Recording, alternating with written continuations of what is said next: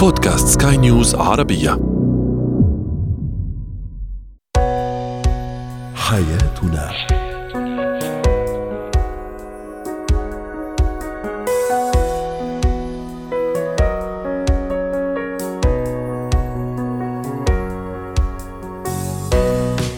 مستمعينا الكرام أهلا بكم معنا إلى حياتنا. فضاؤكم اليومي الذي يعنى بشؤون الأسرة وباقي الشؤون الحياتيه الأخرى والذي يمكنكم الاستماع إليه عبر منصة سكاي نيوز ارابيا dot com slash podcast وباقي منصات سكاي نيوز العربية الأخرى. شاركونا عبر رقم الواتساب 00971 561 886 معي أنا أمال شابه اليوم نتحدث عن الشريك المدمن على مواقع التواصل الاجتماعي كيف نتعامل معه وكيف نحد من هذا الإدمان؟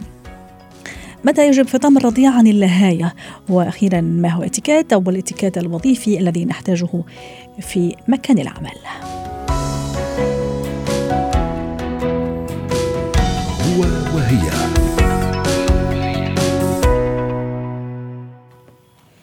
يشتكي البعض من انشغال الطرف الآخر زوج أو زوجة بمواقع التواصل الاجتماعي لدرجة الإدمان مما يجعل هذه العلاقة تمر بالكثير من المشاكل ومهددة أيضا آه، بالكثير من المشاكل ليس أقلها الانفصال العاطفي بين الزوجين أو الطلاق العاطفي. للحديث عن هذا الموضوع رحبوا معي بدكتورة كارين إيليا الخبيرة النفسية والأسرية ضيفتنا من بيروت. يسعد أوقاتك دكتورة كارين أهلا وسهلا فيك. يا هلا والله. دكتورة ما الذي آه، يؤكد أنه شريكي زوجي زوجتي مدمن أو مدمنة على مواقع التواصل الاجتماعي؟ أحيانا أقول أنه زوجي مثلا كثير يجلس على مواقع التواصل لكن هو عنده مبرراته في النهاية ممكن معقول المبرر تبعه. العكس كمان زوجتي كثير تجلس على مواقع التواصل الاجتماعي أكثر حتى من اهتمامها بي كزوج وبأولادها وبأسرتها. ما هي المعايير أو متى نقول على أنه فعلا هو مدمن مواقع التواصل الاجتماعي زوج أو زوجة؟ صحيح مثل كل فعل إدمان وقت نقول هذا الشخص عنده إدمان هو وقت يعطي الأولويات للشيء أو للفعل يلي عم يعمله على حساب أشياء ثانية. بالوقت ذاته إذا بدنا نحكي بالتواصل الاجتماعي بدنا نكون عم نعد عدد ساعات كثيرة من من الجلوس على مواقع التواصل وقت يصير في عندي هوس إنه كل فعل بدي أعمله لازم ينزل على مواقع التواصل.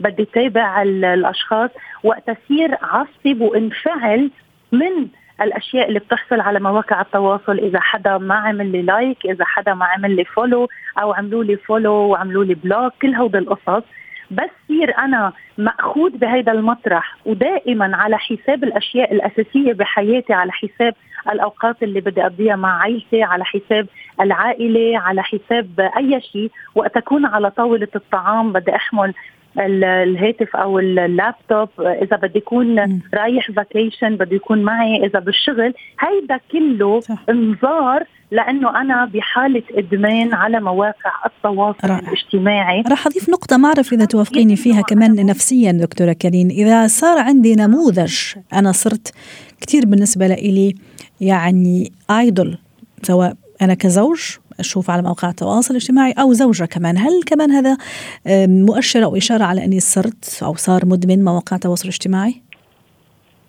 عفوا ما سمعت بداية السؤال. إذا إذا أنا كشريك صار عندي نموذج في مواقع التواصل الاجتماعي.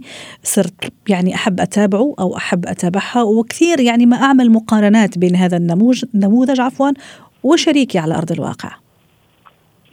هيدي مش بالضرورة تدخل بخانة الإدمان لأنه فعل الإدمان هو فعل قهري ما عندي قدرة على التوقف عنه. هيدا هو فعل الإدمان. ولكن إنه أنا أتأثر بشخصية وأخرب بيتي من وراها وغيرها هيدي مش بالضرورة هي تتسمى فعل إدمان. ولكن الإدمان على مواقع التواصل وكثرة المقارنة واستمرارية المقارنة ممكن تكون ناتجة عن الإدمان يلي أنا عندي إياه على مواقع التواصل. فحكما بقدر من خلال الإدمان يلي أنا عندي إياه بخرب البيت. المتابعة القهرية مم. صحيح أقدر اوصل لاخرب بيتي. مش بس بالمقارنة أحيانا كثير بالاوقات يلي شريكي بحاجة انه اكون موجودة معه. شريكي يمكن عنده اسئلة شريكي فاتح حوار شريكي عم يقطع بأزمة نفسية وبحاجة ليحكي أو كنا برحلة كنا بسهرة كنا بعشاء. آه هيدي كثير بتصير. فهيدي اسمها إدمان. جميل. طب دكتورة مدام أنه اسمه إدمان هل المراحل التخلص من هذا الإدمان هي نفسها المراحل التخلص من أي إدمان آخر؟ شو ما كان هالإدمان؟ بدءا مني اولا أنا أعترف إني أنا مدمن على مواقع التواصل الاجتماعي ثم تكون عندي هذا الرغبة إني أتخلص من الإدمان ثم أتقبل أعراض الانسحاب وما إلى ذلك. صحيح الطريقة شوي بتختلف بين م. ادمان على مادة بس يكون في مادة موجودة قدامي م. وبين الإدمان النفسي فقط هون وقت نكون عم نحكي عن مواقع التواصل الاجتماعي نحن عم نحكي عن مادة موجودة قدامي حكما لازم اكون عم بقطع بكل مراحل التوقف عن الإدمان. مثل ما ذكرت حضرتك من البداية بدي أعترف وأقبل لأنه كل الأشخاص يلي عندهم فعل وسواسي وقهري من دون ما ينتبهوا هن قاعدين بيحملوا التليفون وبيفتحوا المواقع من دون ما تقطع على التفكير أو على المنطق تبعهم. فبس نقول لهم إنه أنتم عندكم إدمان أو من دقيقة كان التليفون بإيدكم بينكروا بس يبلشوا يقبلوا هيدا الفعل بس يبلشوا يدركوا أو ينتبهوا آه، مدى خطورته على الأشخاص لازم يتخذوا قرار. وهيدا القرار بده يكون في له محفز. م. بس يكون عندهم محفز المحفز هن بدهم يخلقوه ما بده يكون محفز مناسب لشخص آخر يعني مناسب للشريك. المحفز بده يكون صادر عني وأحيانا كثير أنا بدي بحاجه لوقت لأنه بالبداية ما بعمل آه، آه، هال آه، نحن بنسميها السوفراج أو الفطام الكامل السريع عن المواقع لأنه هون بصير عم بأذل حالي ولكن مثلا بنعمل sign out على تليفوناتنا. مثلا وقت نكون على العشاء بنحط التليفون بغرفة ثانية وقت نروح على السرير لننام بنخلي التليفون على ال charger بغير غرفة. آه مثلا إذا عم بنخلي حالنا عم نفكر بشكل دائم بهال بهالفعل حتى وقت أحمل التليفون لفوت على المواقع بكون مدرك تماما بكون conscious من الفعل يلي بدي أعمله ساعتها أنا بقدر وقف الفعل. كل ما أنا غير مدرك ماني كونشس للفعل اللي عم بعمله عندي صعوبة إني أقدر وقفه. وأحيانا كثير ممكن تاخذ شوية وقت هيدي الشغلة لأنه يمكن أرجع أتعرض للتجارب يمكن نحط بوست وصير حايص لشوف العالم شو عملوا أو أحيانا أنا عندي وهيدي كثير عم نشوفها عندي الحاجة لترقب آه، وسائل التواصل تبع شريكي فهيدي كمان بتصعب علينا مهمة التوقف عن الإدمان على هيدي الوسائل. جميل. طيب هذه الحلول اللي حضرتك أعطيتيها دكتورة كريم تتعلق بي أنا كشخص أنا مدمن على وسائل التواصل الاجتماعي زوجا كنت أم زوجة. أنا كزوج أعاني منه شريكي مدمن على مواقع التواصل الاجتماعي أو زوجة كمان تعاني. كيف ممكن أيضا أساعد في هالموضوع؟ لأنه معقول هو كمان محتاج لحدا يشاركه اهتماماته مثلا أو هي محتاجة يشاركها حدا اهتماماتها وأقصد الأولى هون الزوج أو الزوجة. مش عارف ممكن يعبر عن أشياء معينة لقى فيه هروب وملجأ يعطيه شيء معين. أنا كيف دوري كطرف آخر في هذا المعادلة؟ صحيح. وهون الحلقة الأصعب بين الثنائي لأنه كل شخص من الطرفين عنده ميل يتهم شريكه بالإدمان على وسائل التواصل الاجتماعي. وتحديدا حسب المنطق يلي أنا آه، آه، بقيس فيه من ميل. وثانيا حسب الغيرة الموجودة بين الشريكين. على هالأساس أنا بدي أقرر إذا أنا عندي مشكلة مع شريكي كثير مهم ما بلش اتهامات ما بلش تهديد ما بلش حدد له وبصير من أول مرة لفت له نظره إنه أنت عندك إدمان بصير خلص حاطته براسي. كل ما يحمل التليفون شو عم تعمل؟ عم تحضر عم بتشوف عم تتفرج؟ هيدي الطريقة ممنوعة لأنه مجرد تنعمل أنا بخلق حواجز كثير عالية عند شريكي. صح. وهيدي الحواجز بتصير وأخلق مقاومة كمان أخلق مقاومة عنده. صح ما هيدي الحواجز هي ناتجة عن المقاومة. جميل. مجرد إني أخلق هيدي الحواجز بصعب كثير فعل ال consciousness عند شريكي لحتى ينتبه على إدمانه ويوقف. صحيح. السبب مسؤوليتي تصير الهي يعني مثلا عشية نحط برنامج ندور تلفزيون أقول له عندي أخبار لخبرك إياها. كل هاي القصص وقت نكون ب vacation أو برحلة كثير مهم الفت له نظره إنه هلأ وقت اللي بدنا ننزل نمشي على الطريق شو رأيك نترك التليفون بالغرفة بنجي بنشوفه بس نوصل. سو منحدد إطار لاستعمال وسائل التواصل وبس الشخص يرجع للحياة الطبيعية ويستلذ ببعض التفاصيل اليومية عنده القدرة إنه يخلق هيك مسافة. مع هيدا التواصل. رائع. شكرا لك يا دكتورة كريم إلي سعدتينا اليوم ضيفتنا العزيزة من بيروت وأتمنى لك أوقات سعيدة زينة الحياة. اليوم نتحدث عن اللهاية والرضيع أو الطفل في سنواته الأولى. متى يجب فطام الطفل عن اللهاية وأولا قبل كل شيء عندها مخاطر؟ رحبوا معي بالدكتور أحمد عبد العال استشاري طب الأطفال. يسعد أوقاتك يا دكتور أحمد. أهلا وسهلا فيك. الام أكيد وشيء طبيعي أكيد هي دائما تكون مع ابنها لكن ما فيها تكون ملاصقة له طيلة الوقت. تقوم ببعض الأعمال المنزلية بدها ترتاح شوي. ف اللهاية هذه وسيلة ناجعة من وسائل صرف الطفل عن التعلق بالأم وأيضا آه، أسباب أخرى. إذا بدنا النوم مثلا يخلط للنوم يروح لهذا اللهاية أول شيء عندها مخاطر عفوا صحية ولا عادي كأطباء ودكاترة في التخصص أطفال؟ ما عندكم مشكلة معها ومتى يجب أني أفطم الطفل عن اللهاية أهلا بك يا أمان يا دكتور. آه، الحقيقة الموضوع اللي هي ده عليه جدل كبير بين صح. الأمهات يعني. هحاول أحله معاكي يعني. والجدات ها أهم شيء. بالظبط الهاية أو المصاصة دي شبيهة بثدي الأم. عشان كده الطفل بيكون مطمن وهو بياخدها وبيتقبلها بسرعة. وبيساعده على كده إن هو بيكون وهو جنين في في بطن الأم بيكون عنده عادة مص الأصبع. فبيكون لها تأثير مهدئ بالنسبة له. يعني زي الإدمان كده اللي حكينا عليه قبل شوي على مواقع التواصل الاجتماعي هو إدمان من نوع آخر إذا صح التعبير. بالضبط. هي زي الحل زي الفقرة اللي قبل على طول آه، سمعتها دلوقتي.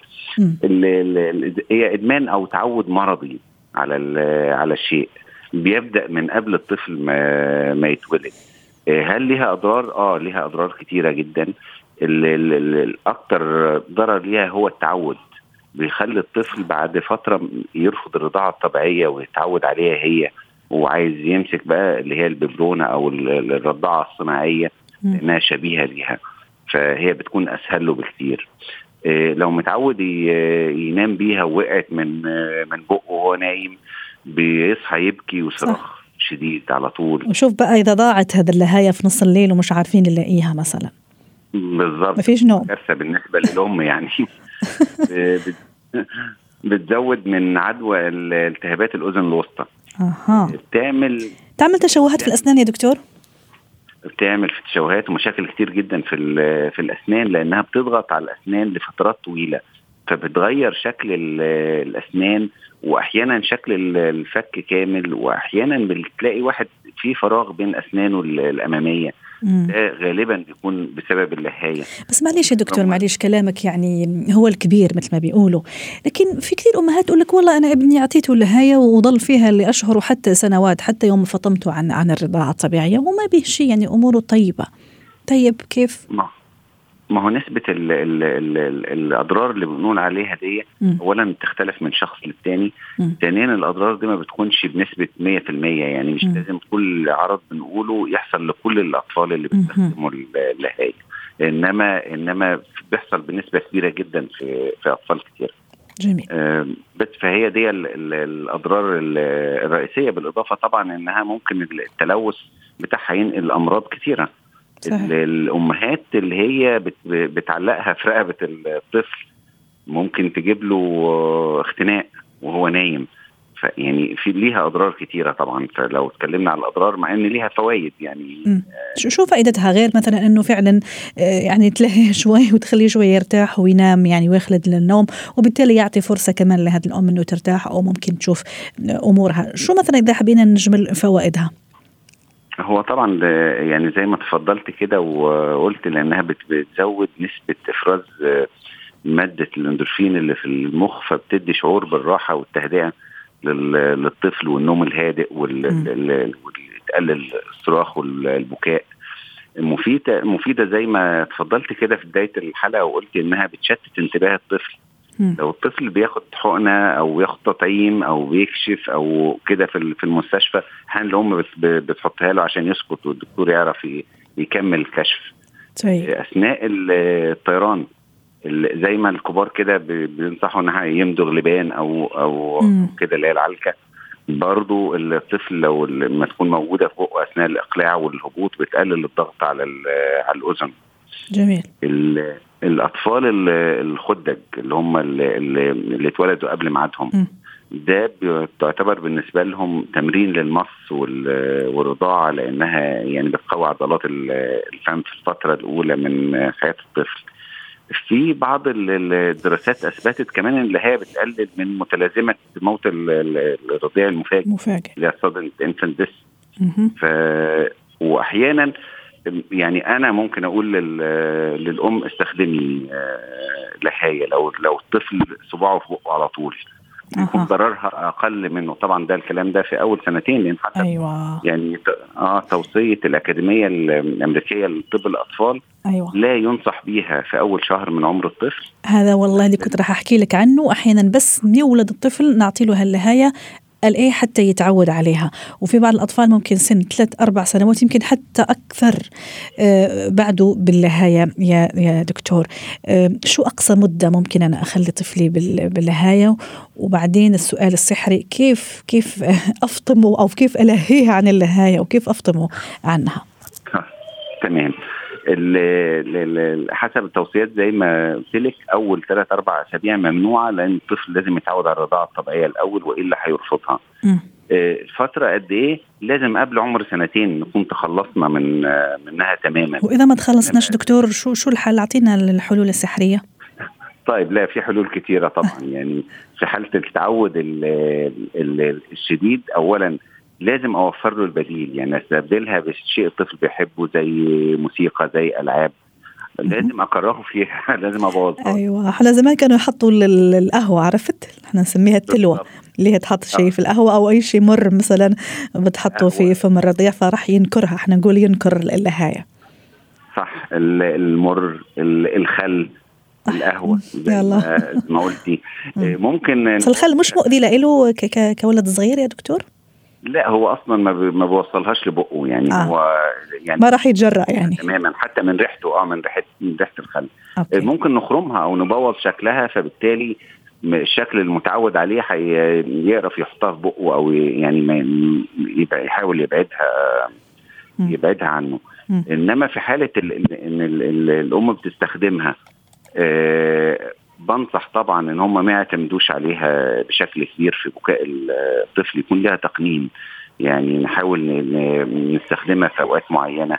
نختار الهاية المناسبة لعمر الطفل في الحجم وتكون مصنوعة من السيليكون وسهلة التنظيف وقطعة واحدة.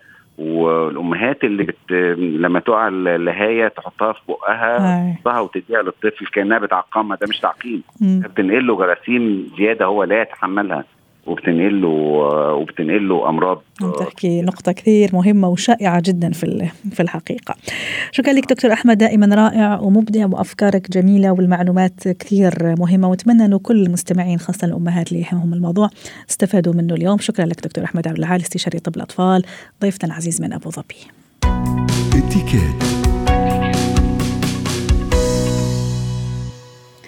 بغض النظر عن نوع الوظيفة التي نعمل بها أكيد في اتيكيت وظيفي في مكان العمل حتى ينجح العمل وتمر الأمور يعني بالسلاسة في يوم طويل وفي ساعات طويلة من العمل. ما هو اتيكيت ال- الاتيكيت الوظيفي عفوا؟ الحديث عن هذا الموضوع. رحبوا معي بمارلان سلهب خبيرة الاتيكيت. يسعد أوقاتك. أستاذة مارلان أهلا وسهلا فيك معنا اليوم. الاتيكيت الوظيفي. مساء النور يا هلا. الاتيكيت الوظيفي أستاذة مارلان شو هو الاتيكيت الوظيفي؟ أهم أهم شغلتين ثلاثة هدول اللي أكثر شيء لازم واحد ينتبه عليهم هي الوقت. إنه الإنسان يكون على الوقت بالعمل تبعه ويكون عنده احترام لتسلسل الهرمي بالشركة. وهيدي كيف بتجي؟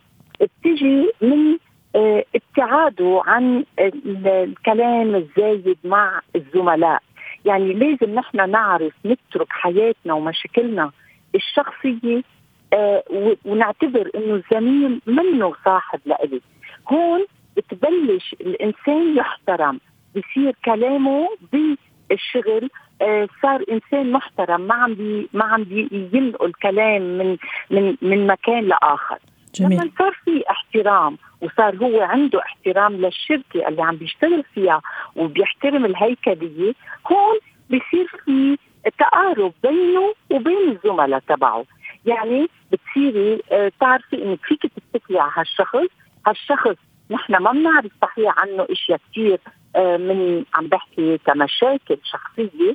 بصير الإنسان محترم وبيقدر يوصل أكثر لمناصب أعلى. شو أهم ثلاث نقاط؟ إنه نكون على الوقت نحترم هيكلية مطلق أي شركة. ما نمزح كثير مع الزملاء يضل في احترام بيننا وبينهم وأكيد ما ننقل حكي بين زميل وزميل رائع.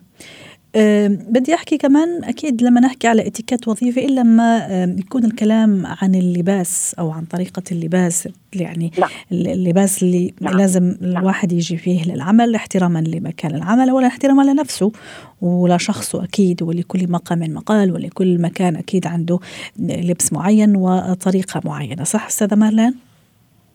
نعم نعم يعني ما فيك تعرفي الإنسان اللي نظيف مرتب بيعرف بيعرف يعني الشغل تبعه لأنه ما في أوقات كثير بيقولوا لك شو مفروض نلبس للعمل. بده يكون محتشم لأنه كل شركة عندها نظامها وكل شخص إذا واحد عم يشتغل مع أولاد صغار غير ما إنه يكون بشركة أم ببنك أم عنده هو يمكن يمكن عنده كوستيوم معين لازم يلبسه كل يوم. لما الإنسان محترم إن كان رجال ام ست بنظافته بهندامه بكوي ثيابه هيدا كثير كثير بيأثر على نظرة الناس فيه. من مش بس بثيابه بالأكسسوار تبعه. تشوفي ناس تحترم. من من من بس تطلعي فيها من ضفيرها من شعرها من يعني هيدا كثير مهم. هيدي أول نظرة الناس بتشوفك فيها. صح. التفاصيل الصغيرة اللي هي مهمة في الحقيقة. له أهمية كثير كبيرة. مية بالمية. نعم. مية بالمية. نعم. كمان المحافظة على على نظافة أي. تفضلي. باردون بس بدي أقول إنه حسب طبيعة العمل م. لازم نضل نحن قانتين ونضاف. هيدا أهم شيء صح ممتاز. والنظافة كمان ما تخص الشخص كمان محيطه. أقصد بالمحيط المكتب المكان اللي يجلس فيه أكيد. هذا نعم. يعني شيء مفروغ منه وكمان يعكس شخصية هذا الموظف. ما في شك ابدا. حضرتك قلتيها بتعرفي آه، في أشخاص مش بس آه، ما بينظفوا المكتب تبعهم ولا حواليهم بس مهملين وهيدا شيء صدقيني ناخذ دغري فكرة غلط. يعني أوقات كثير بتلاقي حتى بالمكتب غير نظافته وحواليه بتلاقي في ناس عندها آه، تصرفها لايق يعني إذا شافت let's say آه إجت على راسي هلأ مثلا يمكن محل ما ما بتقعدي يمكن في أشياء واقعة على الأرض ومش منك. بتشوفي في ناس كبار نفسيتهم كبيرة يمكن هن يشيلوا عن الأرض.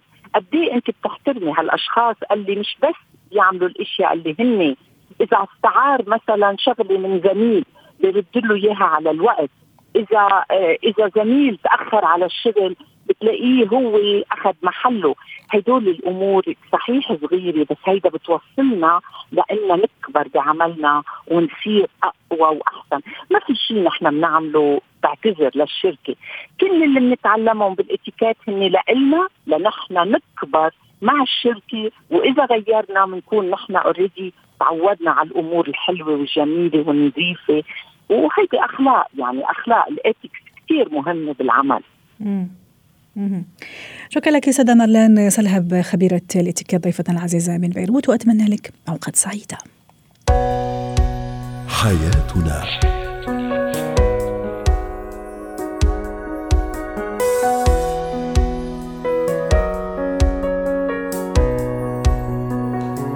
ختام حلقة اليوم من حياتنا. شكرا لكم وإلى اللقاء.